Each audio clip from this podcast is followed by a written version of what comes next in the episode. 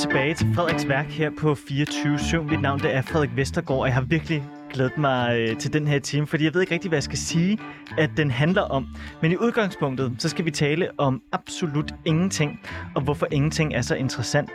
Vi skal dykke ned i ingentingets tomrum ud fra et øh, akademisk perspektiv, og så skal vi snakke om den bedste tv-serie nogensinde, der ikke handler om noget som helst andet end mennesker, venner, der bare sidder og taler sammen. Og det er naturligvis Seinfeld, jeg taler om her.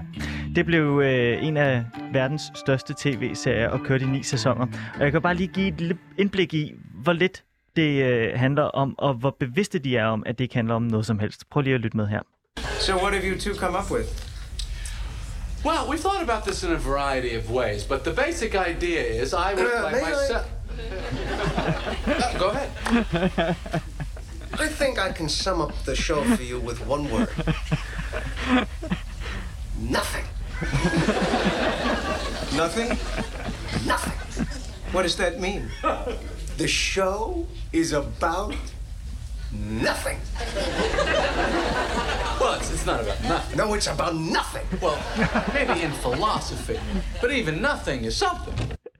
Ja, jeg kan høre, øh, der bliver grint godt og grundigt her i studiet, og jeg er også virkelig glad for, at der er mennesker med i studiet, så det er ikke bare mig, der skulle stå her alene i ingenting og tale om ingenting. Det tror jeg ville være rigtig dårlig radio. Mesut Vahidi, komiker og podcaster, velkommen til. Mange tak.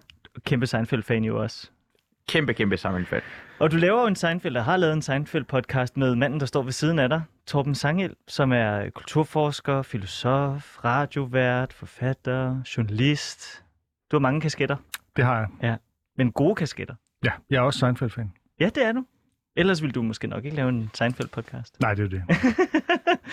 Og så kan jeg så også byde velkommen på en øh, linje. Det er dig, Martin Demand Frederiksen. Du er øh, lektor og antropolog på Aarhus Universitet, og det er jo faktisk din skyld, at vi overhovedet står her og, øh, og skal snakke om øh, ingenting, for du har udgivet en tænkepause. Det her små fantastiske bøger fra Aarhus Universitetsforlag, som handler om absolut ingenting. Velkommen til dig også. Tak skal du have.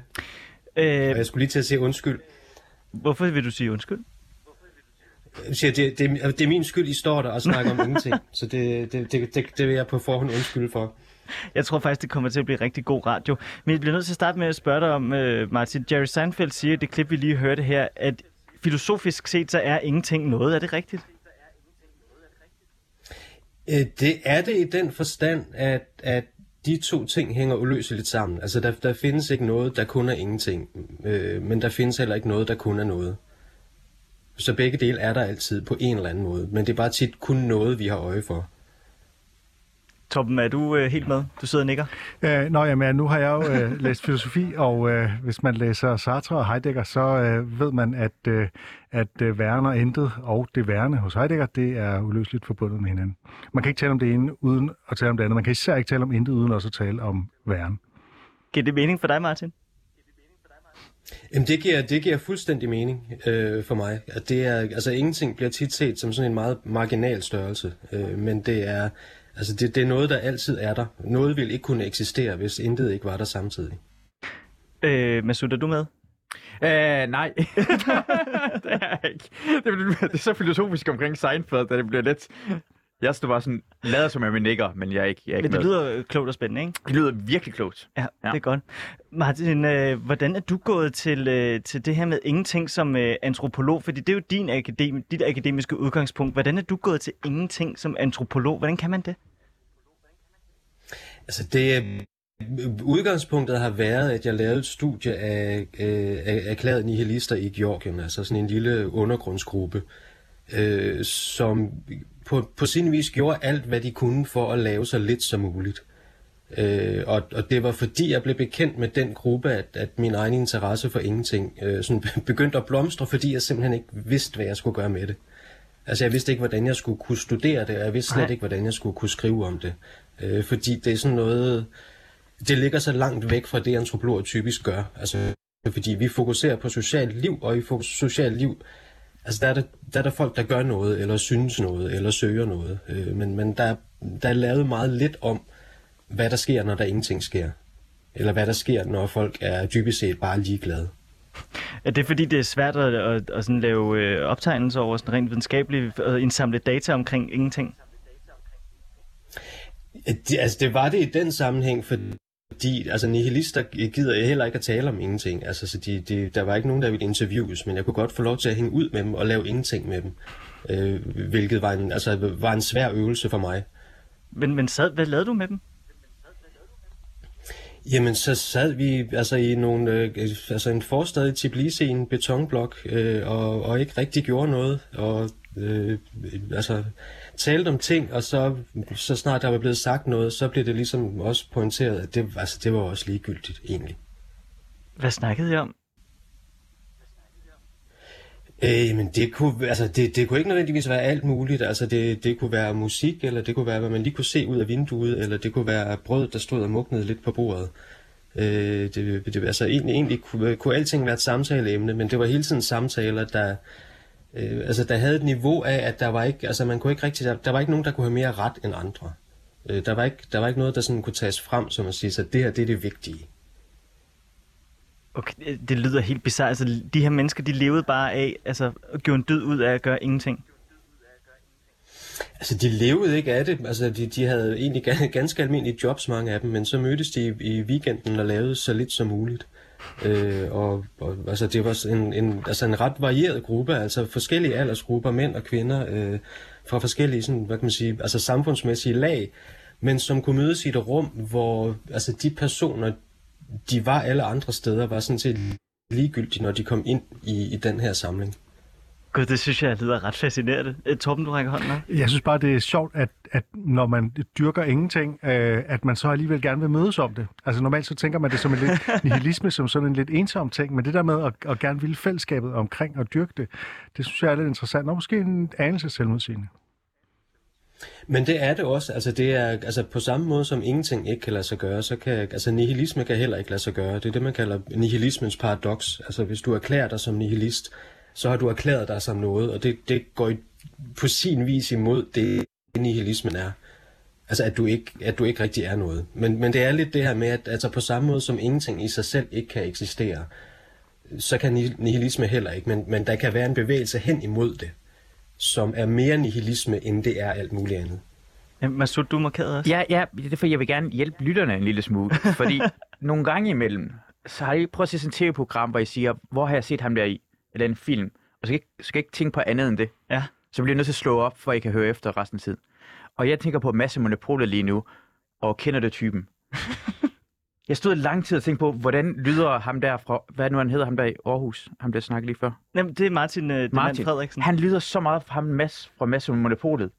Og, øh, og når man, har, har du hørt det før? Eller Nej, Nej, kender jeg du typen? Jeg ved ikke, altså, om det altså, kender du typen? Og jeg stod bare og tænkte på, hvor er det, jeg har hørt den her stemme hen? Så kom åh, det er ligesom, kender du typen? Så lytterne derude lige nu tænker, på, hvor er det, jeg har hørt den stemme? Hvem minder, minder det om? Det er Mads fra Mads Monopolet. Og så bliver det måske lidt, lidt nemmere at høre efter. Det bliver sagt resten af tiden. Du tror simpelthen, at lytterne de har samme association som dig, og ikke kan... Ja, ja, jeg stod bare og tænkte, hvad er det? Hvad er det? Ah, kender du typen? Men man kan bare forestille sig, hvis alt det her om ingenting, det bliver lidt for svært, så kan man bare forestille sig, at Mads Steffensen stå og, øh, og, og formidle det, som, øh, som Martin har brugt overvis på at, øh, og, og finde frem til. Men Martin, det her med, at ikke at eje noget, eller ikke at være noget, eller, eller stræbe efter ikke rigtig at kunne være andet, end bare være, være sådan lige akkurat til, det er jo noget, man ser meget for i kristne munke eller buddhister osv. Hvordan er, øh, er ingenting blevet sådan et, øh, et, et, et prydsmærke? Jamen, jeg tror, det er blevet, altså det er blevet der af mange forskellige grunde, og jeg tror noget af det, der, der er vigtigt også at have med i forhold til ingenting, det er, at på samme måde som noget kan være alt muligt, så kan ingenting også være alt muligt. Altså, det- din forståelse af ingenting er ikke den samme som min forståelse. Øh, den buddhistiske forståelse af ingenting er ikke nødvendigvis den samme som georgiske nihilisters forståelse af ingenting. Men der ligger alligevel nogle paralleller i forhold til, at, at det er sådan en bevægelse mod en eller anden form for ro, eller en form for, for frihed til egentlig bare at være, og ikke så meget andet end det. Nu taler vi jo meget om det øh, eksistentielle ingenting, men øh, du åbner jo faktisk din tænkepause med øh, vigtigheden i at opfinde tallet 0. Altså ingenting. Ja, som har været, altså, som har været ret central, og man kan sige, altså, øh, øh, og som er en, altså nullet er jo en, en, en, en konstruktion, der, øh, altså, der kommer fra Fjernøsten. som altså både var altså et matematisk symbol, men også som altså var et symbol for himmelvælvingen og for tomrum og øh, for eksistentiel væren. Øh, altså som, som bevægede sig lige så stille gennem, hvad hedder det, øh, øh, så fra Fjernøsten mod Europa, og så kom til sådan et bræt stop, fordi øh, øh, altså i, i, i, især i middelalderen i Europa i hvert fald, altså der, der var nullet ikke, øh, ikke særlig velset, øh, fordi oh. nullet var en øh, var et symbol på, at, øh, at intetheden kunne eksistere. Øh, og i den kristne kirke, altså som altså, kan man sige, var en stor magtfaktor på det tidspunkt, øh, altså så, så var det sådan decideret tabubelagt, fordi hvis man kunne argumentere for, at intet, intet fandtes, øh, så ville Gud heller ikke kunne eksistere. Øh, Nej, det kan jeg så, det kan, så kan nullet som, som symbol, ja, altså det, det blev sådan holdt ude i ret lang tid, øh, indtil man fandt ud af, at det i, i matematik og især økonomi faktisk var ret smart at have et nul. Øh, så, så økonomien vandt over religionen i forhold til at få nullet øh, til, til europæiske breddegrader. Men Torben, du var også ret fascineret af tallet 0, da vi snakkede sammen i går. Jamen, det er jo sådan øh, noget af det samme, som, som Martin her siger, altså hvor, hvor afgørende det har været for matematikkens øh, udvikling. Altså, det er jo helt fuldstændig afgørende, at man har 0. Alene vores talsystem baserer sig på 0 og så videre, ikke? Jo. Jeg er også personligt meget glad for 0. Altså, det, jeg synes, det er, det, det, det, det er også det flotteste af alle tal. Ja, den runde form, som ja. jo altså, som er en af de sådan helt basale grundformer. Martin, du har jo så også i din, øh, din tænkepause, der har du så skrevet om øh, film og serier, og i øh, forhold til, til ingenting, og i forhold til eksistentialister, og i forhold til nihilister, så kommer du ind på særligt øh, to øh, populære film og serier. Den ene, det er The Big Lebowski, som jo handler om en mand, der skal have sit tæppe tilbage fra øh, nogle, nogle tyske nihilister, der har stjålet det fra ham, ikke? Ja. Og det andet... Ja, og som ja, er... Øh, nej, altså, som er sjov, fordi der netop, altså, på den ene side er de her tyske nihilister, ikke, som believes in nothing, øh, men hvor det i princippet er, altså, det er filmen, der er nihilistisk. Øh, det er ikke nødvendigvis dem. Altså, det er fordi, at filmen er om ingenting, at det er filmen, der bliver nihilistisk, og ikke dem. Det, det forstår jeg ikke.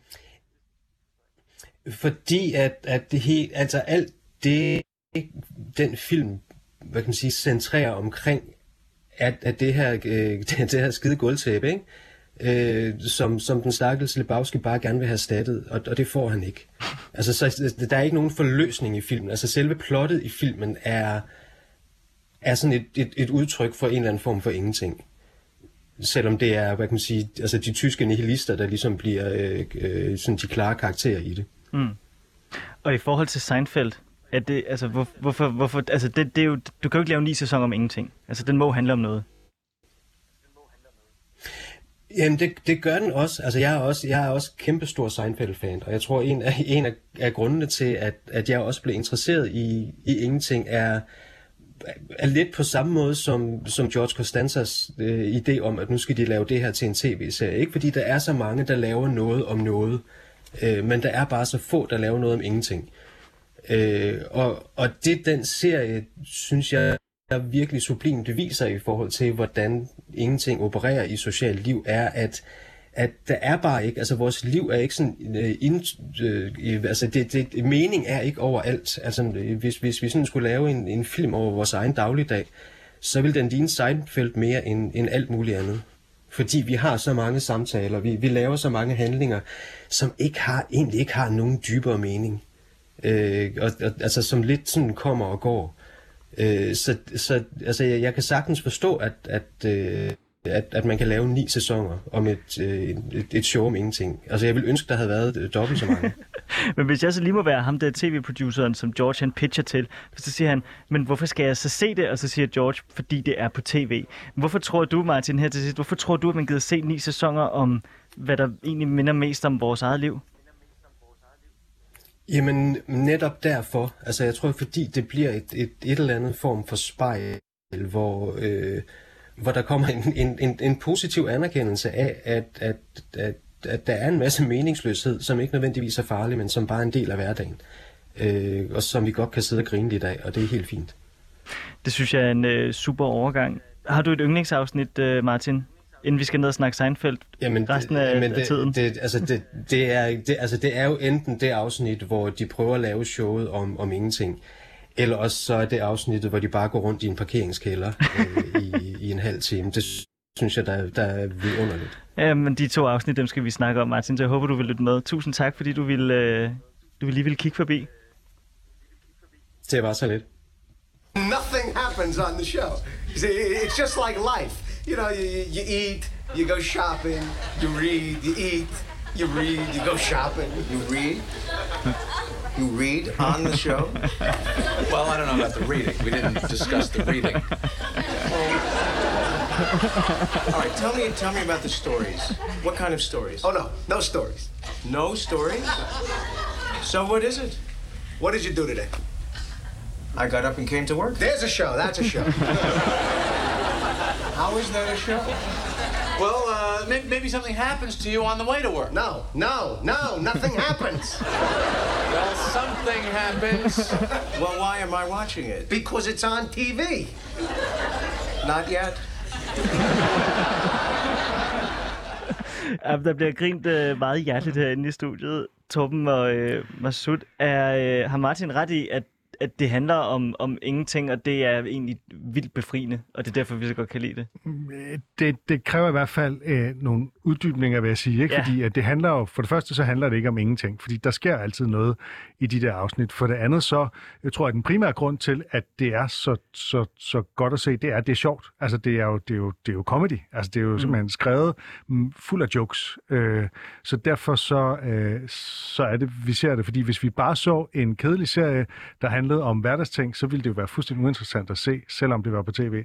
Så selvfølgelig øh, handler det om noget, der er øh, i stigende grad et, et, et mere og mere stramt plot, hvor der bliver puttet flere og flere handlingselementer ind i alle Det er rigtigt, ja. Så det er jo, det er jo, øh, det er jo inde i tv-serien, at det bliver pitchet som et show om ingenting i øh, langt henne i tv-serien. Ikke?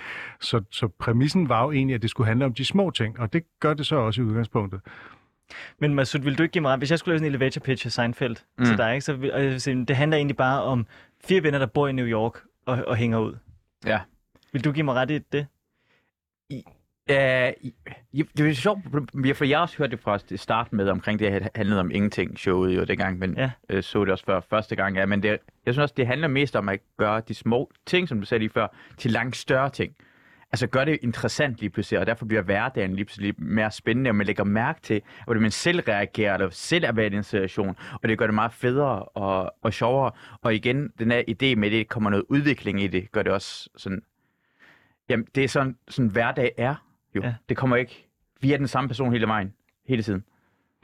Og hele den der øh, logik, den kender man fra, fra øh, det, som Masud laver, nemlig øh, stand-up, i det, der hedder observationskomik, som er en af disciplinerne i stand-up, hvor man observerer små hverdagsting, og så, så folder man dem ud og viser, hvor latterlige eller mærkelige eller et eller andet de er, ikke? dumme og så videre. Ikke? Øh, og det, som de også gør i Seinfeld, det er, at de her små ting sætter de, øh, formulerer de regler for. Ting, som vi ikke har formuleret regler og begreber for, dem opfinder de begreber for. Øh, så de tager i virkeligheden det, som vi sådan øh, registrerer sådan på mik- mikrosociologiske plan, det tager de og gør til, øh, til noget, som, som bliver i talsat øh, sådan meget konkret. Ikke? Regler for, hvis du kommer hen, og nogen gør sådan, så er, der, jo- så er det jo en sådan og sådan, og så skal man gøre sådan og sådan. Så de opfinder en masse regler, som tit er alt for firkantet til at, at være sådan øh, øh, og gældende i virkeligheden, men som man alligevel godt kan se, at oh ja, der er et eller andet om det. Ikke? Det, det er næsten vores samvittighed, det står snak snakker mm. op i hovedet, sådan, hvordan skal jeg opføre mig? Er det en rigtig måde? Skal jeg komme lidt tættere på? Skal jeg sige til personen, at de snakker for tæt på? Eller skal jeg fortælle, det er noget galt med deres næse efter en operation? Det er en samvittighed op i hovedet, tænker, hvad er det rigtige måde at gøre det på? Og de snakker højt omkring de her regler. Ja, og det der med, at man ikke forstår, hvordan en anden reagerer, hvis en anden ikke hilser. Hvad, hvad betyder det så? En eller anden hilste ikke på mig i dag. Hvad betyder det? Og så kan man få et kæmpe drama op og køre over det. Ikke? Øh, Det store fravær i Seinfeld, det er jo moralen. Altså det, som øh, var fuldstændig øh, obligatorisk i alle sitcoms, da Seinfeld begyndte, nemlig at der skulle være en moral til sidst. Man kan tænke på Cosby Show, eller, eller Blomsterbørns Børn, eller hvad man nu tænker på. Sådan, Så en sidder de klassisk sammen til sitcom. sidst og gennemgår, hvad har du lært? Nogen har lært et eller andet. Her der er no hugging, no learning. Det var simpelthen sådan et, et slogan. Ikke? Man, skulle ikke, man skulle ikke give krammer, og der skulle ikke være sådan en sentimental øjeblik, og hvor nogen de erkender, ja, men det, jeg, kom, jeg kørte også for langt ud. Altså George Costanza, han lærer ikke noget, selvom han hele tiden begår fejl. Ikke? Hvorfor kan du så godt lide de her karakterer, øh, Masud, når de ikke lærer noget, og de ikke øh, bliver til nogle bedre mennesker, og de, de udvikler sig, ikke? Øh, jeg, jeg, har, jeg, har set, jeg, har, jeg har set ekstremt meget tv, og jeg har set alle det der Cosby, og jeg har set alle de andre sitcoms også. Og jeg tror, Seinfeld har det, at den gør jo grin med ens egoistiske, narcissistiske side, som man godt forstår, og man tror, at øh, man kan sætte sig ind i. Og så er det, jeg elsker den her serie, på grund af, at det er jo ikke rigtig... Jeg synes, der er jokes i serien, men jokesene er ikke oplagte jokes. Den er ikke sådan en dun dun dun agtig noget. Det er sådan en samtale, det går nær i hinanden, den, hvor det man naturligt snakker med hinanden. Det virker som om, man er sammen med det her folk. Og jeg tror også, at jeg er blevet lidt mere ligesom, hvordan de er i Seinfeld. Også da så Seinfeld snakker til hinanden på samme måde, som det gør Seinfeld. En af grundene til, at jeg kan lide Torben rigtig meget. På et tidspunkt for nogle år siden, 3-4 år siden, møder jeg ham og se, skal til at se noget stand-up comedy. Og jeg ikke ser ham i lang tid, og siger, ham- så peger han bare på mig og slår på min mave og siger, spørger om jeg er blevet tykkere. Sådan helt... U- det, det, det, er uden kontekst. Han var Kramer så meget, som han kunne, kunne være. Og det kunne jeg så meget bedre lide ved ham, fordi han var... Han sagde bare noget, man ikke må gøre. Det er uden for reglerne, det her. Men du kan godt lide at sige, at jeg minder om Kramer, men jeg har faktisk fået ham til at indrømme, at det er ham, der er Kramer. Er du Kramer? Nej, jeg er ikke Kramer, det er, det er 100 procent. Han, han, han er den, en af de største krukker, jeg kender, det er Torben. Og uh, Kramer er en krukke. Ja, det Han var en omvendt, han er bare ikke... queen. Ja, det er sådan skægget der omvendt. Bare det, kan på hovedet med Kramer og meget så længe, nedad. det her. Okay, jeg havde tænkt, for fordi øh, vi skulle prøve at finde ud af, om hvorvidt det her, øh, om, om Seinfeld handler om ingenting eller ej, så synes jeg egentlig, at det giver mening at se på tre afsnit, og så de fire karakterer. Og øh, jeg synes, vi skal starte med, øh, med karaktererne, så kan vi altid dykke ned i afsnittet, øh, afsnittet bagefter. Det første, jeg vedhæfter mig ved, eller hæfter mig ved, undskyld, ved øh, Jerry, Kramer, George Costanza og, øh, og Elaine Bennis, det er, at der ikke er nogen af de her mennesker, som er anderledes i sæson 9, end de er i sæson 1. Og det synes jeg er den perfekte, det perfekte bevis på, at der ikke er sket noget i løbet af de her ni sæsoner. Det er Schopenhauers idé om, at alting er cirkulært, alting er... Øh, hver gang du opnår det, du gerne vil, så kommer der automatisk et nyt behov ind og overtager. Du bliver aldrig færdig, og du vil altid være der, hvor du startede. Og det synes jeg er fantastisk. Vil I give mig ret i den antagelse? Øh, Ja, altså det er rigtigt. Det hele kører rundt i ring, og de kommer ikke videre. Så i den forstand, så udover at der mangler moral, så mangler der jo også personlig udvikling, kan man sige. Mm. Ikke? Men jeg, tænker- jeg, jeg, har ikke tænkt, jeg, jeg har ikke kendt så meget til det filosofer. Så jeg, har, jeg har læst politisk filosofi, men jeg kan ikke, dem har jeg ikke. Jeg kan ikke lige komme i tanke om det. Men De jeg har ikke altid, så politiske. Nej, det er det, men, men, øh, og jeg synes, det er interessant, men jeg har altid tænkt på den måde også, hvordan man ser sine problemer på, og jeg tror, man har altid den her problem, som i gamle dage var tigeren jo, eller ulven, der prøvede at jagte en. Og så i dag mangler vi at proppe noget i det sted, for man har altid et problem, som er det vigtigste. Alle, alle folks problemer, jeg synes på den her måde, hvis du fortæller mig omkring dine problemer, de er så nemt at løse. Det er det nemmeste i verden. Jeg kan fortælle dig, hvad du skal gøre. Mine problemer er komplicerede. Ja. og de er svære, og det gør Seinfeld på samme måde. De gør det, man snakker omkring, hvor svære problemerne er, gør det langt større. Og jeg synes også, det reflekterer på den, hvorfor vi har så meget angst i samfundet. Fordi vores problemer kan vi ikke engang sådan håndtere på samme måde. Vi kan ikke rigtig gøre noget ved dem. Det er ikke noget, vi kan håndtere. Det er ikke som, at, at vi kan se, hvor løven er lige derovre. Så skal jeg bare ho- holde øje med løven. Det skal der være med at spise mig. Så kan jeg slappe af. Og det gør Seinfeld også, at de sætter problemerne og gør dem langt større, end det er. De gør ingenting til noget større, fordi alle mennesker har altid et nyt problem, uanset hvad, op- hvad man opnår. Men altså, da vi snakkede sammen i går, der sagde du også, at grunden til en anden serie, for eksempel Venner, mm. Som du også holder meget af, grunden til, at du ikke rigtig er så vild med den på samme måde som Seinfeld, det er fordi, der når et punkt, hvor der er for meget udvikling i karaktererne, så du ikke længere holder af dem på samme måde. Jamen altså, med, med det samme, at, hvad hedder Ross og uh, Rachel sammen med hinanden, så går serien i en forkert retning, så har de, de har sprunget boblen. Det er, spændingen ligger der. Og især efter Chandler og Monica er sammen, så er serien ødelagt. Og det er jo det, som de ikke gør i Seinfeld, fordi Jerry og Elaine er ekskærester, mm. og de finder aldrig sammen igen, og der bliver ikke, stort set ikke engang, jo i et enkelt afsnit, der spiller de ironisk på det, men ellers så bliver der ikke spillet på det her øh, med, øh, finder de sammen, øh, øh, will they, won't they, og sådan noget. Ikke? Det er ikke det, der er motoren, de er venner. Ja, og det kan jeg virkelig også godt lide, at de ikke bare falder for den der øh, kliché med at lade dem, øh, lade dem knalde. Det er selvbevidst omkring alting, hvad jeg laver i programmet. Det er ikke engang, det bliver øh, kritiseret for, at det, de er, måske Jerry er ikke, ikke kritiseret for det, men det snakker omkring, måske Jerry er homoseksuel. Så laver de et afsnit, der handler omkring, at en journalist, der tror, han er homoseksuel, og det er ikke noget galt med det. Not that there's anything wrong with it. Dengang det blev kritiseret, at det ikke er nogen sorte med i serien, så, så, går det, så i stedet for at tage sorte med ind i serien, som de gør i Venner, lige pludselig er der bare en sort person med i Venner, Ja, ud af en- ingenting, en de en kritiserer. anden lille bitte rolle, ikke? Ja, men, men i, i, så, i Seinfeld skal George prøve at finde en sort ven, fordi folk tror, han er racist.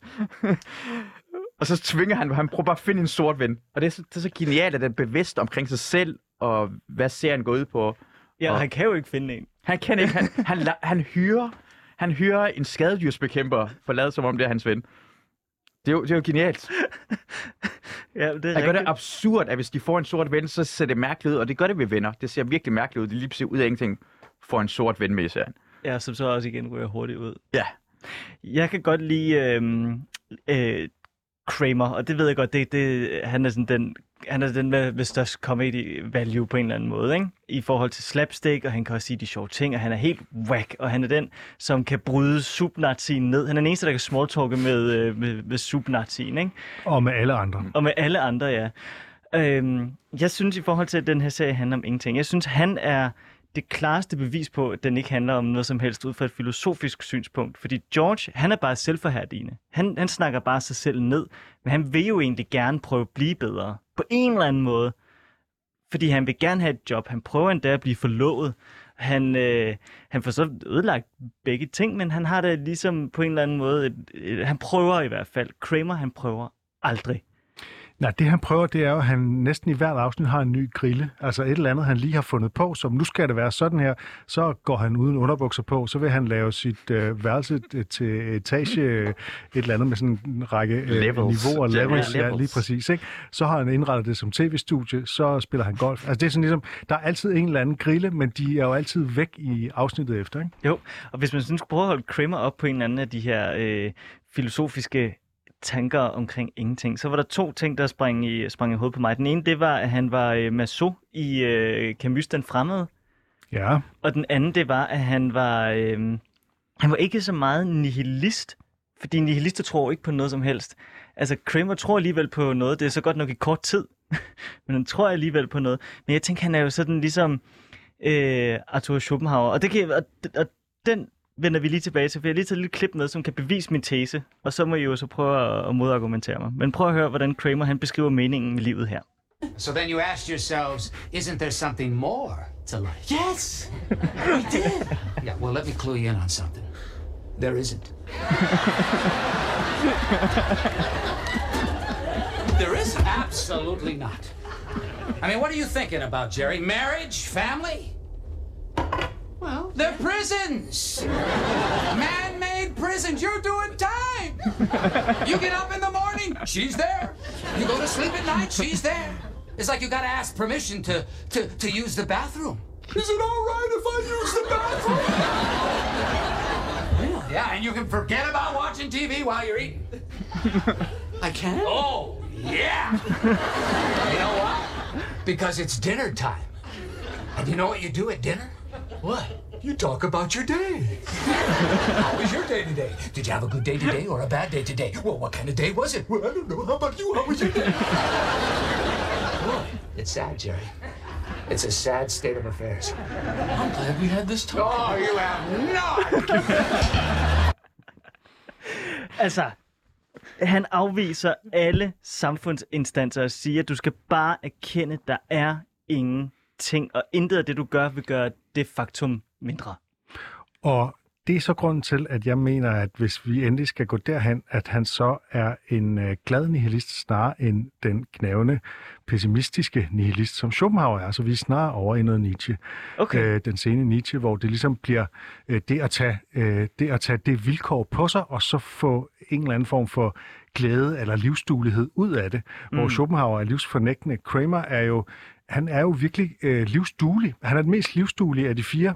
Selvom han også er den mest mærkelige, så er han også den mest livsduelige. Og selvom han egentlig er en taber, især i begyndelsen i de første sæsoner, han har en, han har, hans karakter bliver, bliver udviklet lidt, kan man sige. Mm. Ikke?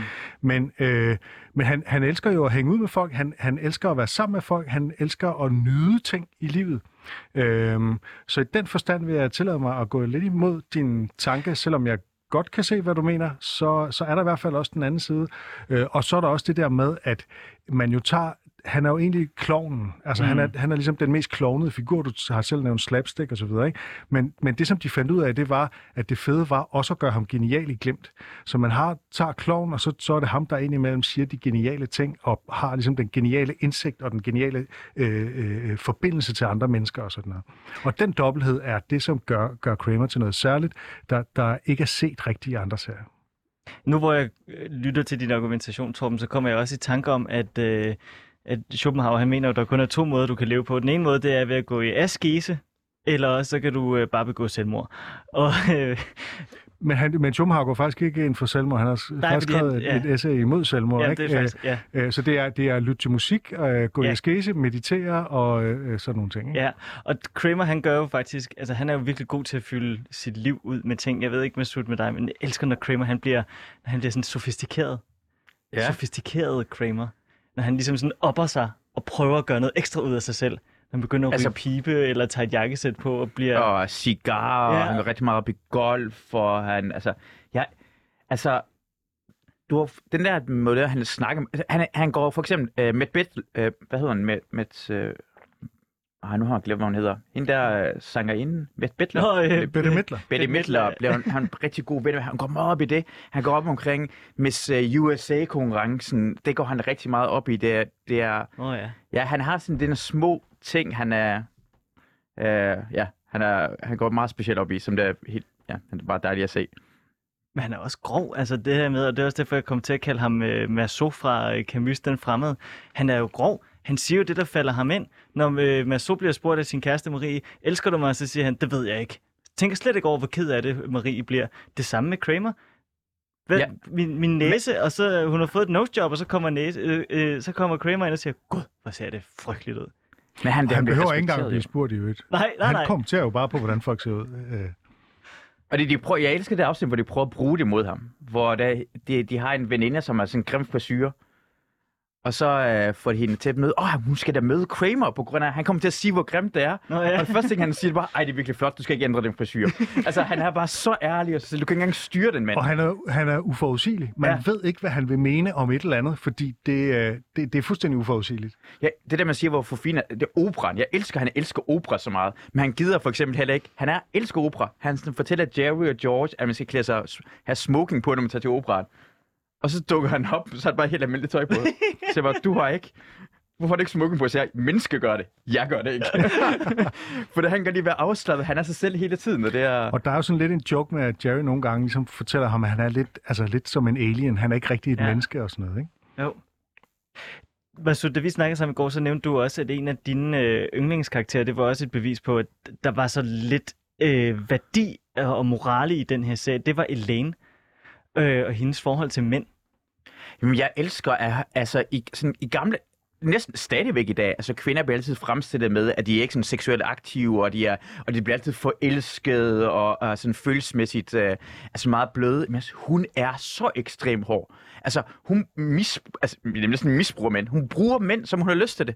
Altså, hvis de er lidt trælse, eller øh, hvis de ikke gør det godt nok i sengen, eller hvis de ikke giver oral sex, øh, så gider hun ikke have noget med det at gøre. Og det er bare så fantastisk ærlig. Altså, hun er ligesom alle de andre. Øh, og derfor for mig er Elaine blevet min yndlingskarakter. De starter med at være Kramer først, bagefter George, og lige nu er det Elaine. Fuldstændig vild med hende.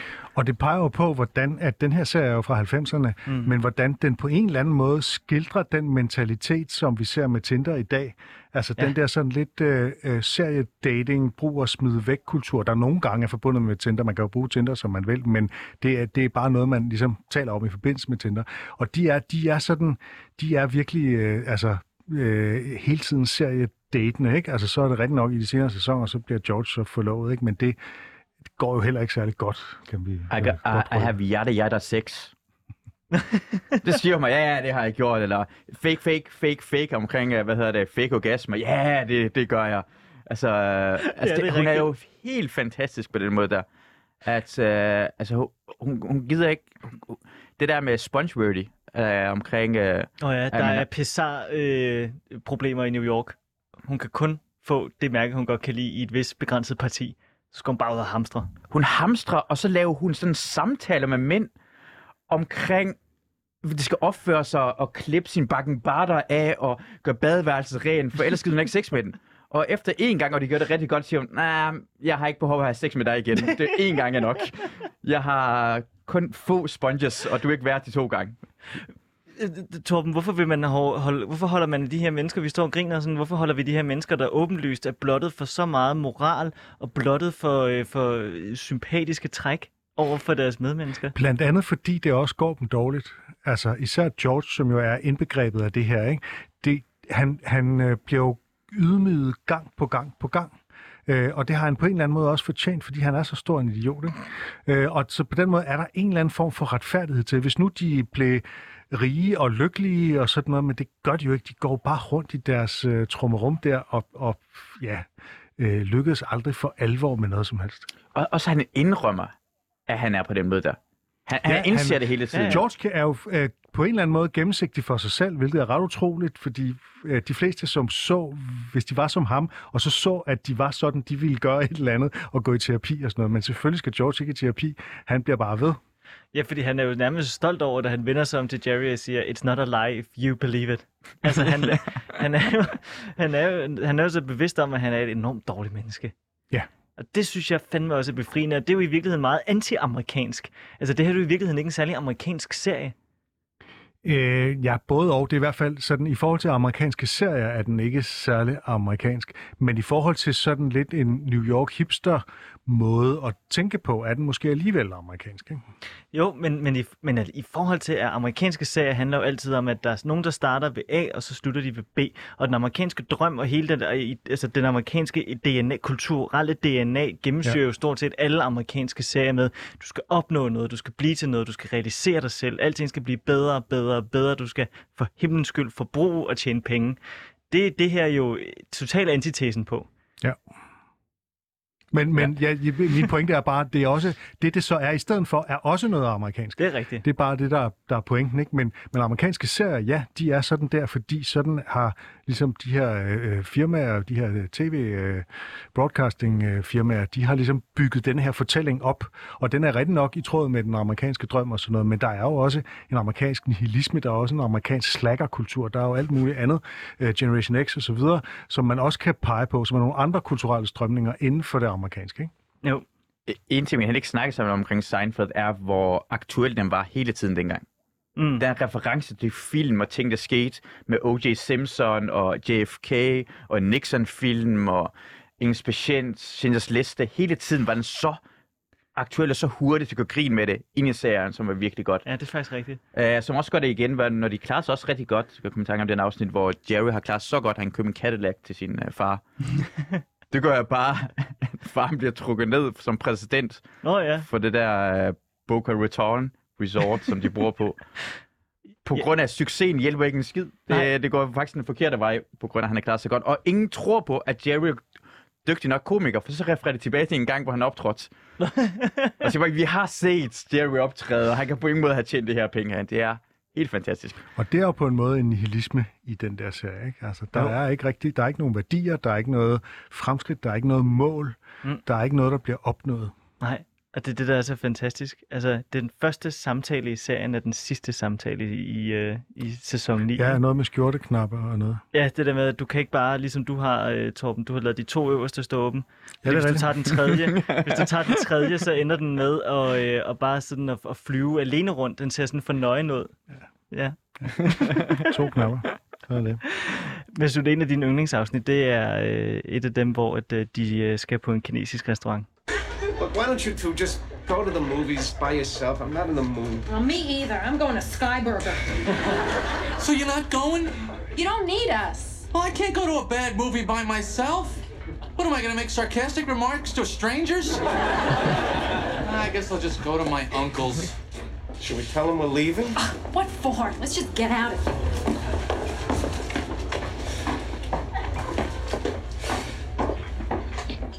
Seinfeld, Thor.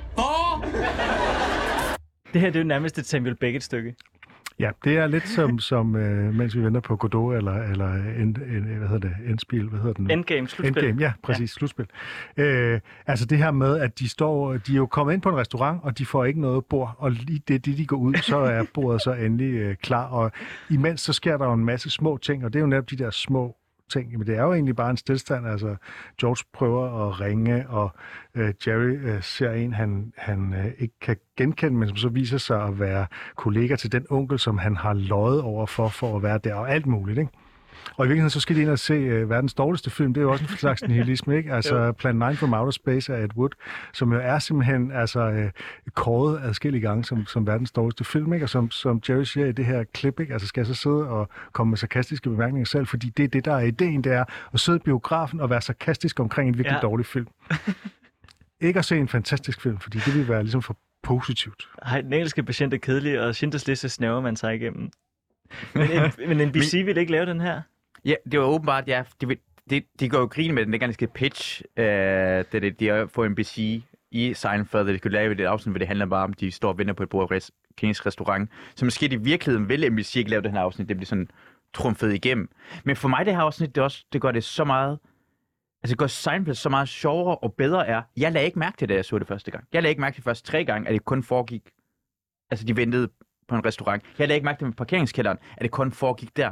Jeg nød bare serien. Det var senere, folk har lagt mærke til, at det er sådan specielt, det gør det. Nej, det havde jeg ikke engang tænkt over. Så, så godt er det her lavet, øh, som gør det endnu bedre. Og, ja, ja, ja, og den der, jeg elsker den der surhed, George har. Er det ikke det her afsnit, hvor telefonen ringer? Han prøver at få fat i telefonen, og Han, han skal ringe til sin kæreste, som øh, der har jo været en, en, en, øh, en hændelse, som jo også er meget sjov, ikke? at han skulle på toilettet, øh, da han var, eller ikke kæreste, bare en date, ikke? og så skulle han på toilettet, og toilettet var lige ved siden af soveværelset, og han kan ikke få sig selv til at gå på toilettet, han kan bare mærke, at han skal skide, så han er nødt til at tage hjem midt i sexakten, øh, og der, han er i gang med at prøve ligesom at, at, at gøre det godt igen, og derfor så har han lovet at ringe, og det kan han ikke få lov til, fordi der hele tiden er nogen, der øh, optager den der telefon hen på Det er der, restauranten. hvor han er så frustreret over, ham der manden snakker i telefon i så lang tid. Og jeg, gang, oh, ja. jeg, jeg holder en tale, hvor sur han er, og så kommer manden og siger, undskyld, "Nå, det gør ikke noget som helst. det er bare sådan, den følelse kender man så godt. Men det er også fordi, ja, netop fordi manden han jo undskylder, så han er ikke, han er ikke så dumt et svin, som han troede. Han har stået og gjort nar af hans, øh, hele hans, hans, hans tøj, ikke? Ja. Fordi han er i gang med at køre sådan total had på ham, ikke? Ja. Og så prøv at se, han må se de der, det, hans, hans sokker matcher hans skjorte og sådan noget, ikke? Og Elaine, der er, hun fryder sig i, at Jerry ikke kan huske hende der kvindens navn. Åh, ja. Hun står med et meget elansk smil. Der. Ja, det er fantastisk. Og det, kender, det, det, det, det er lige mig, det her. Jeg elsker, når folk har det på den måde der. Når jeg, hvis jeg siger, at Torben har det frygteligt, det er noget af min yndlingsting i verden. Altså mine venner, jo dårligere har det værre situation, det er, jo mere nyder jeg det. Og det gør Elaine også, og det gør det også i serien. Det er utroligt, at jeg gider at hænge ud med ham. Men det synes jeg også er et meget godt bevis på, at det her det er sådan en, en, en serie, der er fuldstændig blottet for moral og etik. Fordi Elaine, hun, prøver, hun får på et tidspunkt muligheden for at leve et bedre liv i Bizarro World. Hvor hun får muligheden for at leve med nogle venner, der ikke kommer og spiser maden, der er i køleskabet, men fylder den op. Hun får mulighed for at være sammen med, øhm, med venner, som hver, hvis de finder ud af, at de kan snylte sig gratis igennem øh, langdistance telefonopkald, så rapporterer de det til de rigtige mennesker. Ikke? og hun kan jo ikke lide at være i det. Hun er jo enormt selvdestruktiv, og opsøger det jo også igennem sine venner. Ikke? Jo. Og det er jo, det er jo, altså det er jo bizarrt, fordi man, man skulle tro, at hun ville være sammen med dem, som, som, øh, som er de perfekte venner. Men øh, hun vil hellere hænge ud med de der tabere der. Men det er ikke sjovt jo. Det er ens Nej. venner, jo bedre du kan lide dem, jo mere tager du pis på dem, eller prøver at sætte dem i situationer, hvor det bliver... Altså, igen, hvis det ikke... På en eller anden måde kan man sige, hvis det ikke sker noget som helst. Hvis folk... Så er det det mest kedelige i verden. Det, jeg kan godt... Hvis jeg, igen, hvis verden er i dag. Hvis verden er i dag, om man skal tænke på som en film, og det her, det lyder lidt mærkeligt, men så vil jeg gerne have, at Trump bliver valgt til præsident, og jeg vil gerne have, at der sker krig i Ukraine. Jeg vil gerne have, det, jeg vil gerne have at det bliver spund, altså jeg vil gerne have sugerør i min drink, det bliver spundet rundt. Jeg vil ikke have det i virkeligheden på en anden måde, men på en anden måde gør det langt mere spændende, og det er bare sjovere, at det hele tiden, det sker noget balladested, for det sker ikke noget som helst. Du får er ni- lidt god du er nihilist, Masud. Er jeg nihilist? Er det det? Lidt. Okay. Ja, så synes du også, at 9-11 var fedt. Der skete virkelig meget. Men jeg synes, 9-11 var en af de mest spændende dage nogensinde i mit liv, og, øh, men ikke fordi det var spændende. Nej, jeg forstår, hvad du mener. Ja. ja. Så det, det indrømmer jeg, at det er. At, øh, jeg synes, ja, når det sker noget, så er det spændende. Nu skal vi ikke ud i det der afsnit af masser af monopolet, som øh, endte med at blive taget ned igen, fordi der var nogen, en kunstner, der argumenterede for, at 9-11 var det bedste kunstværk, der var sket i det 21. århundrede. Det var Karl-Heinz Stockhausen, komponisten. Åh, oh, var det? Det diskuterede de, og så sagde Søren Fagli, at han var enig, og så fjernede de det der afsnit af Nå. masser af monopolet. Det er da meget spændende samtale, synes jeg. Det var, det. Det Ja. tror jeg ikke, P3 havde taget op i dag. Nej. Den samtale. Nej, det ved jeg ikke. Men altså igen, de gør jo grin med Schindlers Liste jo så meget. De går grin med folk. Ja, der, men altså, det er jo Men de er jo sjovt, selv jøder, så de Ja, må det er gerne. det. Ja, men især ja, på en eller anden måde, men det, det gør også grine med Kennedy, der bliver skudt. Altså, det er så mange ting, som er helt alvorlige. Det gør grine med OJ, der flygter væk. Den der scene, hvor han flygter væk i sin Ford Bronco, den, den, den laver de i, uh, i serien. As Son of Sam, det er en joke. Massemorder uh, i New York i slut 70'erne. Altså, det er helt fantastisk. Jeg kunne godt tænke mig lige at vende et, øh, et afsnit til med jer her. Where's the car?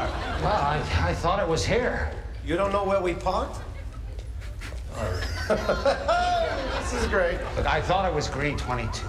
I remember orange. I thought it was orange. I didn't pay attention. Oh, this is just what I need.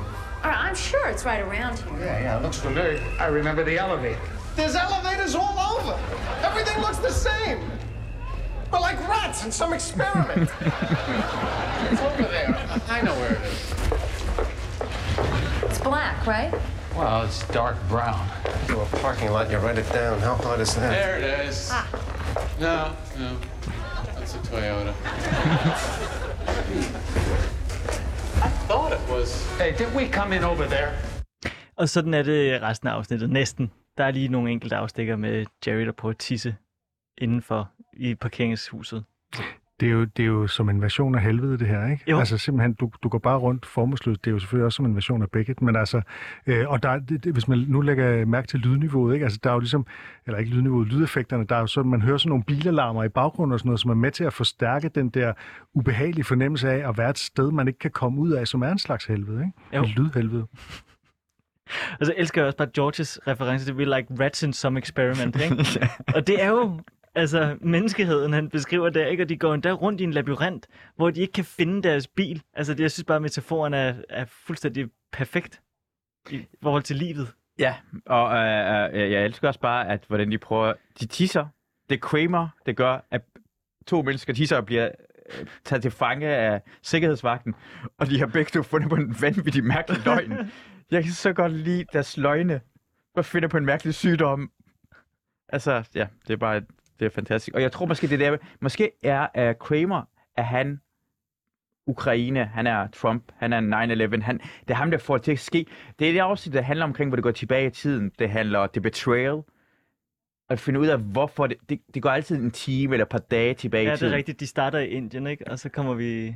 Så kommer hele, og det hele starter jo med, at uh, Kramer banker hos Jerry, og så siger Jerry, bare kom ind og lad som om, de bliver drejet hjem. Og på den måde hele serien starter med, at det er Kramer, det hele tiden Gud, ja, det er rigtigt. laver benspænd. Han laver benspænd hele tiden for alle de folk, der er rundt omkring ham, så det gør serien lige pludselig lidt mere spændende. Det er rigtigt. Kramer er sådan... Øh, han er sådan The Big Bang. Han er, Ja. ja. han er Higgs-partiklen. Ja, Nu har Masud sagt, at øh, jeg minder om Kramer, og Kramer minder om Trump og Putin, så jeg ved ikke, hvad jeg skal mene om hele det der. jeg mener, øh, Men- men- du men gør det mere spændende, du kryd- krydderiet i livet. Vi skal ikke have for meget peber, men lidt peber i maden, må man gerne have. Men Kramer, ja, han sidder jo også og læser alle de her viser. Øh, han læser jo alle de her alternative news. Han læser jo fake news. Og han leder efter The Pigman, og han snakker om Han er faktisk konspirationsteoretiker ja. i, i flere afsnit, ikke? Ja. Øh, øh, og det er i hvert fald en forskel på mig og Kramer, vil jeg så sige, ikke? Ja, for du har faktisk heldiget meget af dit professionelle arbejde til, at, til sandheden. Ja, og jeg har en, en anden podcast, der handler om sådan noget. Ja. Øh, Jeg vil på også bare kalde, det er også bare lidt mærkeligt at kalde det for sandheden, Torben. Altså. Det var, men jeg synes også, at min sandhed er også sandhed. Jo. Sådan. Hvad er sandhed? Jesus Christ. Ja, ja. Inden at det her det udvikler sig til at blive sådan noget, der skal have sådan en advarselsbjælke inde på Spotify, så øh, er der også noget andet, jeg har tænkt meget over omkring øh, Seinfeld. Det her er, øh, er at det, det her tidløse så element, vi allerede har været inde på, med at det lokale, det er så ekstremt lokalt. Ikke? Det handler om, hvad der sker på deres vej. Vi bor ikke på deres vej. Vi bor ikke i New York. Vi ved ikke, hvad der er... Altså, de har det.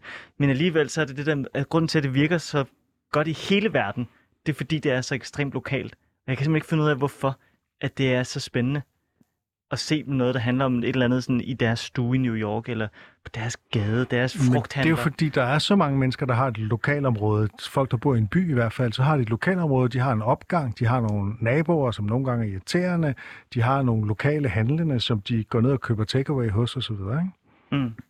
Og så også, men jeg tror også, det var en bølge, hvor alting var New York dengang, så man begyndte at kende New York. Første gang jeg var i New York, det kunne jeg næsten godt finde rundt i New York, på grund af, at jeg har set altså Sopranos og Sex and the City og Venner og Seinfeld, så begyndte man at forstå, hvordan tingene fungerede, og hvad, hvad retning det gik. Jeg husker første gang, jeg så Godfather, og han kører den forkerte vej rundt på et tidspunkt, skal det over den forkerte bro, så ser jeg bare, at han kører den forkerte vej, for jeg kendte til, hvad for en bro, på hvad for en side, på grund af at jeg set, set alle de serier.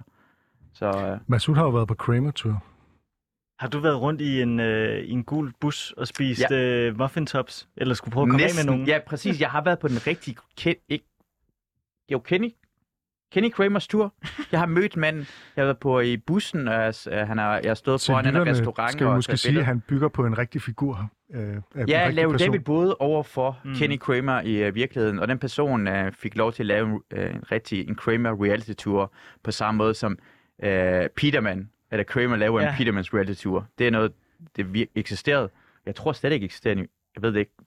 Ja, jeg ved, Annika har prøvet at komme på den igen. Jeg har været på den, og det var virkelig, virkelig, virkelig sjovt, for det var, han var så meget Kramer-agtig. Altså den første time går ud på, at han sætter en videobånd på, og så ser man en videobånd i sådan en lille lokal. Og så bagefter kører man rundt i en bus, han ikke forklarer stederne, og så tager man et billede ved siden af ham, og det hele var så perfekt dårligt. Det koster 70 dollar per person, og det var det alle pengene værd. Altså det var helt perfekt. Og det er det, han levede af. Peterman, det vidste jeg ikke. Han er også ægte. Altså det der Peterman det? Catalogs. Nå. Du kan gå ind og købe tøj gennem de der øh, catalogs, som øh, lægen skriver efter.